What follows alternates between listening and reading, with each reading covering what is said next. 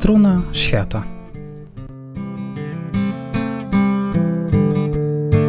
Audycja historyczna Adriana Truna.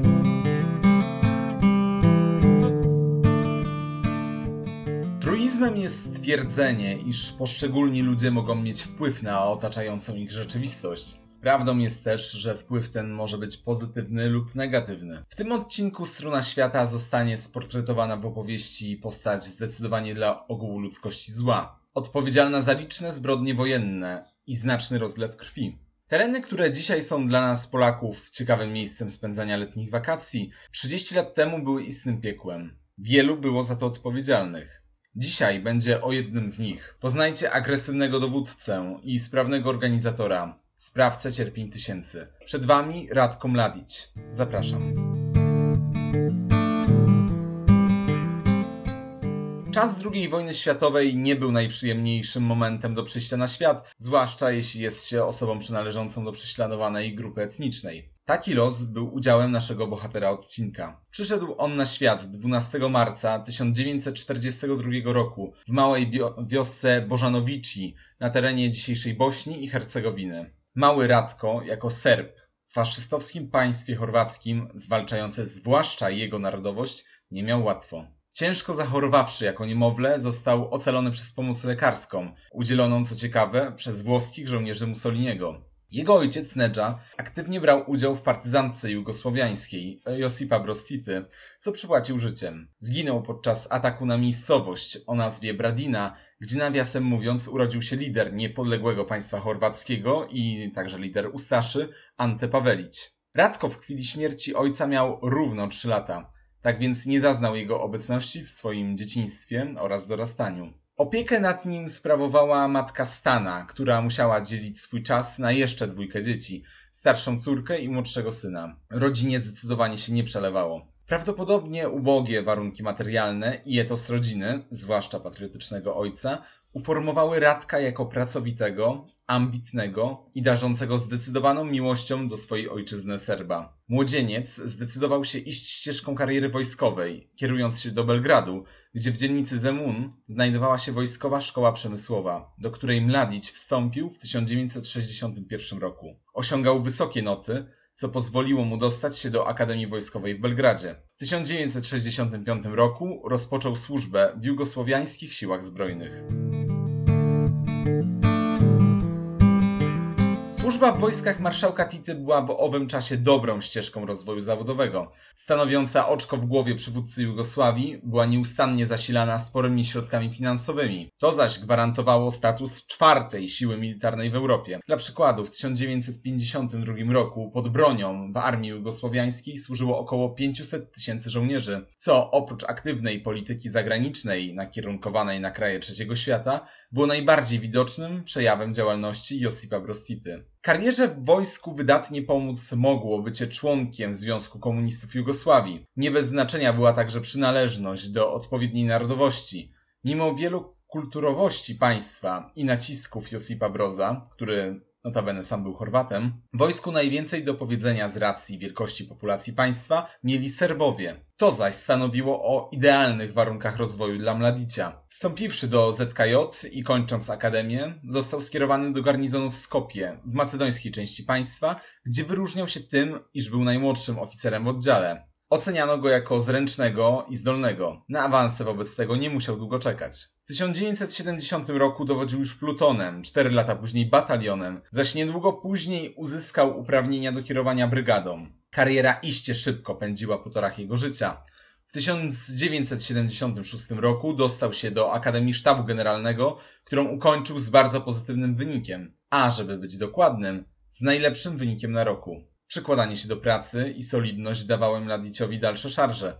Mając zaledwie 38 lat, był już podpułkownikiem wojsk jugosłowiańskich. Do roku 1990 ukończył kilka kursów oficerskich, które uczynią go idealnym kandydatem do zadań, jakie zostaną mu powierzone w przyszłości. Jednak na tamtą chwilę jego pnięcie się w górę zostało przyhamowane. Po śmierci Tity, która nastąpiła 4 maja 1980 roku, kraj zaczął pogrążać się w maraźmie i tarciach wewnętrznych. Finansowanie armii zostało ograniczone, co było także powiązane z ograniczeniem tarć międzynarodowych i wchodzeniem w fazę schyłkową zimnej wojny. Z tego czasu Mladic zdobył tylko i aż stopień pułkownika, co dokonało się w 1986 roku.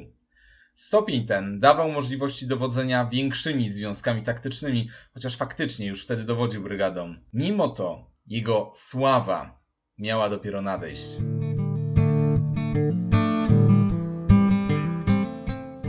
W 1991 roku rozpoczął się proces rozpadu Jugosławii. Proces ten zdecydowanie nie zaliczał się do pokojowych. Wynikało to z wielu względów. Jednym z nich była niemożliwość wytyczenia granic zadowalających poszczególne narodowości zamieszkujących części składowej Jugosławii. Po wojnie komuniści Tity podzielili kraj na kilka podmiotów, których granice zostały z góry ustalone. I o ile taka słoweńska republika miała względną stabilność etniczną, to nie można było tego powiedzieć o części Chorwacji czy wręcz całej Bośni. Serbowie, będący najliczniejszą grupą słowiańską w Jugosławii, ciągnęli się od terenów pod Zagrzebiem aż po tereny Kosowa i Macedonii. Chorwaci zamieszkiwali tereny Dalmacji, Hercegowiny, Istrii oraz Slawonii, tworząc teren wygięty w kształcie litery C. Z kolei Boszniacy, czyli muzułmańscy Słowianie, koncentrowali się w rejonach Sarajewa, Banja Luki i Sandżaku. Zdecydowanie to Boszniacy mieli najgorzej na starcie, bo nie posiadali skonsolidowanego osadnictwa i byli osaczeni przez wrogich im Serbów i nieprzychylnych Chorwatów. Ponadto zadra z czasów wojny między Serbami a Chor Chorwatami nigdy się nie zagoiła, jak sobie życzył tego Tito.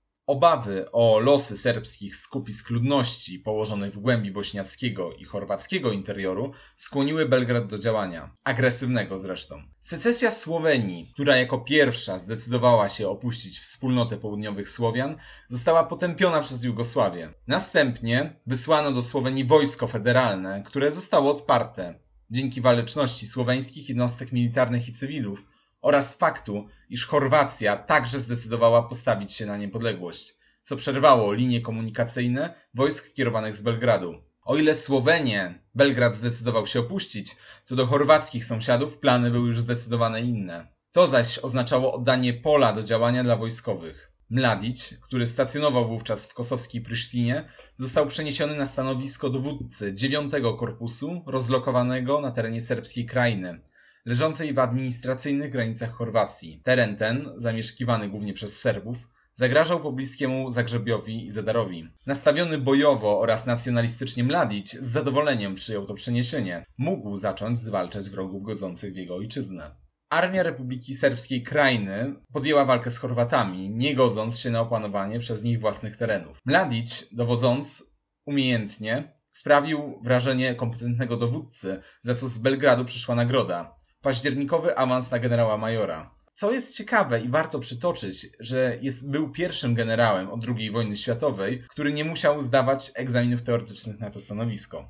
Zatem było to wyróżnienie dosyć znaczące. Zanim został promowany, Radko Mladic wziął udział w. Tak wojnie wrześniowej, albo inaczej zwanej wojnie o Szybenik. Starcie to miało w zamierzeniu Serbów i armii jugosłowiańskiej doprowadzić do opanowania Dalmacji poprzez wzięcie Szybeniku i zdezorganizowanie chorwackiej obrony. Mimo zdecydowanej jugosłowiańskiej ofensywy, Chorwaci zdołali się wybronić. Mladić uczestniczył wówczas w zwycięskim oblężeniu Kijowa, tym nie ukraińskim oczywiście, oraz przegranym natarciu na sam Szybenik. Serbowie bez litości bombardowali ośrodki miejskie oraz dewastowali okolice, nie oszczędzając nawet drogocennych zabytków umieszczonych na liście UNESCO, jak katedra świętego Jakuba w Szybeniku. Pozostawienie Zedaru oraz Szybeniku w rękach Chorwatów przekreśliły szanse na zaoranie niepodległości Chorwacji. Serbowie pod dowództwem generała Mile Kandicia ponieśli klęskę. Mladić jednak zebrał cenne doświadczenie, które wykorzystał w najkrwawszych starciach tego czasu.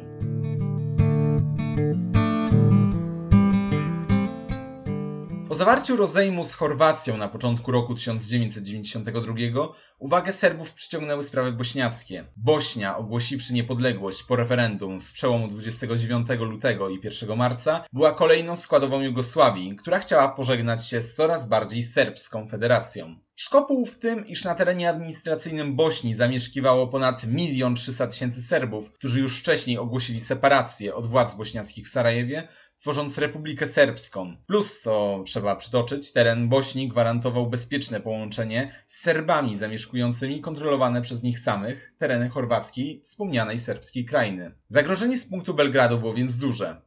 Gdy w kwietniu Bośniacy uzyskiwali uznanie międzynarodowe, w tym czasie Serbowie na rozkaz Mladicia rozpoczynali oblężenie Sarajewa, stolicy nowo powstałego państwa. Jugosłowiańska armia kilkanaście dni wcześniej skompromitowała się nieudanym szturmem tego miasta, bronionego przez bośniackie siły policyjne, ochotnicze czy nawet mafijne. Tak więc Radko uznał, iż jego ambicją będzie zdobycie buntowniczej stolicy. Przystąpiono na jego rozkaz do metodycznych działań w celu odcięcia od świata Sarajewa. Jugosłowiańska Armia Ludowa opanowała sarajewskie lotnisko, sparaliżowała ruch komunikacji miejskiej, odcięła miasto od dostaw ciepła, wody i prądu, srodze bombardowała Stare Miasto. Mimo tego miasto nie skapitulowało. Oblężenie więc trwało, zasilone oddziałami, które Belgrad oddał pod dowództwo zdolnego Mladicia. W tym czasie wojska Nowej Jugosławii, ogłoszonej w końcu kwietnia 1992 jako Związku Serbii i Czarnogóry, parły przez Bośnię, opanowując spore połacie terytorium. Szanse Bośniaków na zwycięstwo zmalały w momencie rozpoczęcia jednoczesnych walk z Chorwatami, którzy także nie godzili się być częścią Bośni. Ci w lipcu 1992 utworzyli nawet państwo Herceg Bośnie, której stolicą została zachodnia część Mostaru. Istniało wówczas spore ryzyko rozbioru Bośni między Chorwację i Jugosławię. Jednakże sprawa wojny w Bośni przyciągała uwagę opinii międzynarodowej i zagranicznych mocarstw. Dzięki zastosowanym od maja 1992 roku sankcjom, Jugosławia mocno odczuwała regres gospodarczy. To zaś sprawiło, że w geście dobrej woli, a może raczej ugięcia się, Serbowie ewakuowali lotnisko sarajewskie, przekazując je ONZ-owi. To złagodziło skutki brutalnej blokady miasta przeprowadzonej na rozkaz Mladicia. Sarajewo dalej jednak krwawiło. Serbowie zaangażowali do walki snajperów rozlokowanych na okolicznych wzgórzach i w budynkach. Nieustannie ginęli ludzie obrywający kule od tych siewców śmierci. I nie miało znaczenia, czy ofiarą był wojskowy, cywil, kobieta czy małe dziecko. Śmierć była rozdawana równo. Główna aleja Sarajewa uzyskała wtedy dosadnie wyrażającą się nazwę Aleja Snajperów.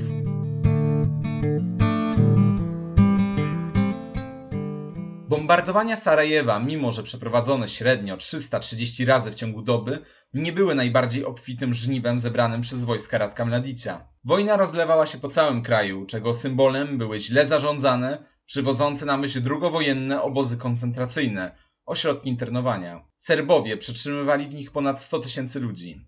Warunki w nich były tragiczne, zdjęcia z nich wyciekły do zachodnich mediów, co jeszcze bardziej wzmogło krytykę Jugosławii na arenie międzynarodowej. Wojna stawała się coraz brutalniejsza, począwszy od 1993 roku. Nieliczne siły ONZ-u, mające strzec najbardziej wrażliwych miejsc, czyli sześciu wyznaczonych stref bezpieczeństwa oraz poszczególnych osób, nie spełniały należycie swoich zadań. Założone reguły postępowania faktycznie wiązały możliwości sił pokojowych, nie pozwalając nawet użyć broni palnej w celu ochrony ludności. Przedłużający się i idący w kierunku niepewności konflikt rodził zaś frustrację sił obu stron. Serbowie w 1995 roku wobec porozumienia oraz zjednoczenia sił chorwackich i bośniackich przeciwko nim zdecydowali się na ostrzejsze ataki i likwidację bośniackich enklaw w morzu serbskiego terytorium.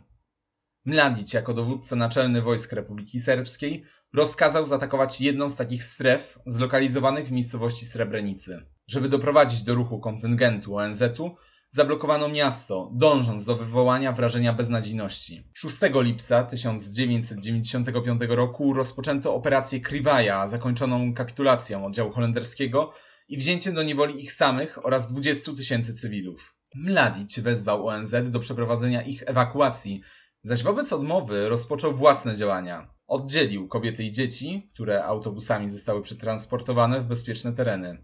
Mężczyzn zaś początkowo sporadycznie rozstrzeliwano, później zaś nie ograniczano się w środkach. W brutalnych masakrach, gdzie nierzadko ofiary były obrzucane granatami czy nadziewane bagnetami, zginęło ponad 7 tysięcy muzułmanów mających powyżej 15 lat. Serbskie siły udawały początkowo, że nic się nie stało, jednakże wypuszczeni na wolność Holendrzy ponieśli wiadomości w świat. NATO ostrzegło, że jeżeli zostanie zaatakowana następna enklawa ONZ-u w Goradże, zostanie użyta siła. Ostrzelanie miejscowości Markale, która poskutkowała śmiercią 37 osób, stała się przyczyną interwencji sił sojuszu, dokonanej w operacji Deliberation Force. Akcja NATO doprowadziła do zdezorganizowania sił serbskich, zaś dobicie wojsk serbskich dokonało się po zwycięskiej dla sił chorwackich ofensywy w październiku 1995 roku. Strony zmęczone wojną zasiadły do ostatecznych rozmów pokojowych, którym patronowali Amerykanie.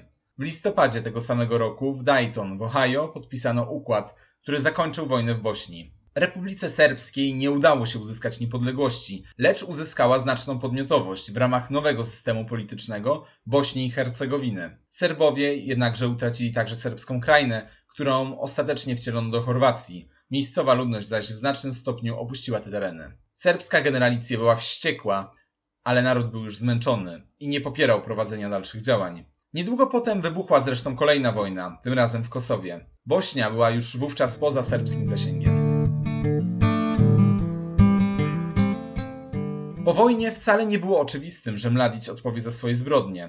Jaki był ich wynik? No cóż, oblężenie Sarajewa pochłonęło życie około 5,5 tysiąca mieszkańców. Czystki etniczne wokół Srebrenicy finalnie ponad 8 tysięcy. 13,5 tysiąca istnień ludzkich to spory grzech na sumieniu świata, a co dopiero jednego inicjatora. Co warto zaznaczyć, jedno z dwojga dzieci zbrodniarza, córka Anna, popełniła w 1994 roku samobójstwo. Spekuluje się, że dokonała zamachu na swoje własne życie po zapoznaniu się z gazetami traktującymi o czynach swego ojca. Także jej duszę Radko musiał doliczyć do swego bagażu zła. Międzynarodowy Trybunał Karny dla byłej Jugosławii, powołany w 1993 roku, już podczas działań wojennych wysunął akt oskarżenia wobec Mladicia, ten jednak sobie z tego nic nie robił. Jego osobista popularność wśród Serbów sprawiała, że pojawiał się publicznie na uroczystościach, meczach czy festiwalach. Dopiero aresztowanie byłego prezydenta Jugosławii i patrona Mladicia, czyli Slobodana Miloszewicza, które nastąpiło w 2001 roku, skłoniło Radka do ukrycia się. W 2006 roku wyszło na jaw, że niektórzy wojskowi i urzędnicy serbscy pomagali Mladiciowi w dalszym ukrywaniu się, co rozbudziło gorącą dyskusję publiczną i wzmogło naciski Unii Europejskiej, by Serbia wzięła się w garść i wydała zbrodniarza, jeżeli chce myśleć o akcesji do wspólnoty. Także Waszyngton oferował początkową kwotę 5 milionów dolarów za pochwycenie generała, jednak wydawało się to działaniem na próżno. Media przez lata informowały świat o rzekomym aresztowaniu Mladicia, jednak były to fałszywki lub po prostu niesprawdzone sensacje dziennikarskie.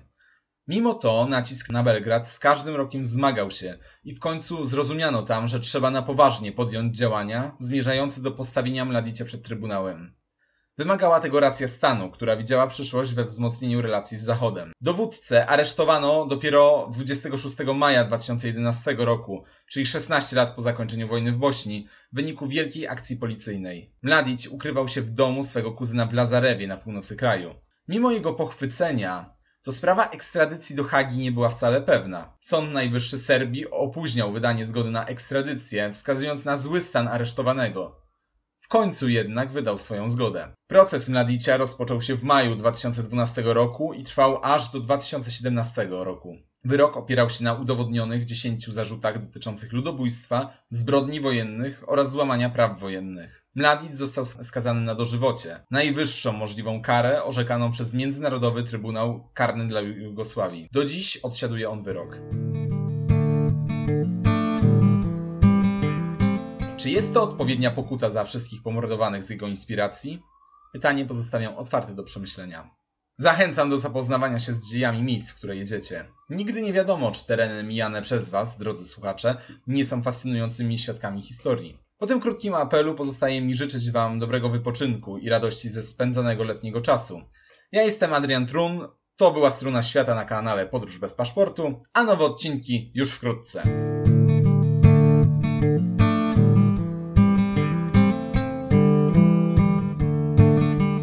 Struna świata.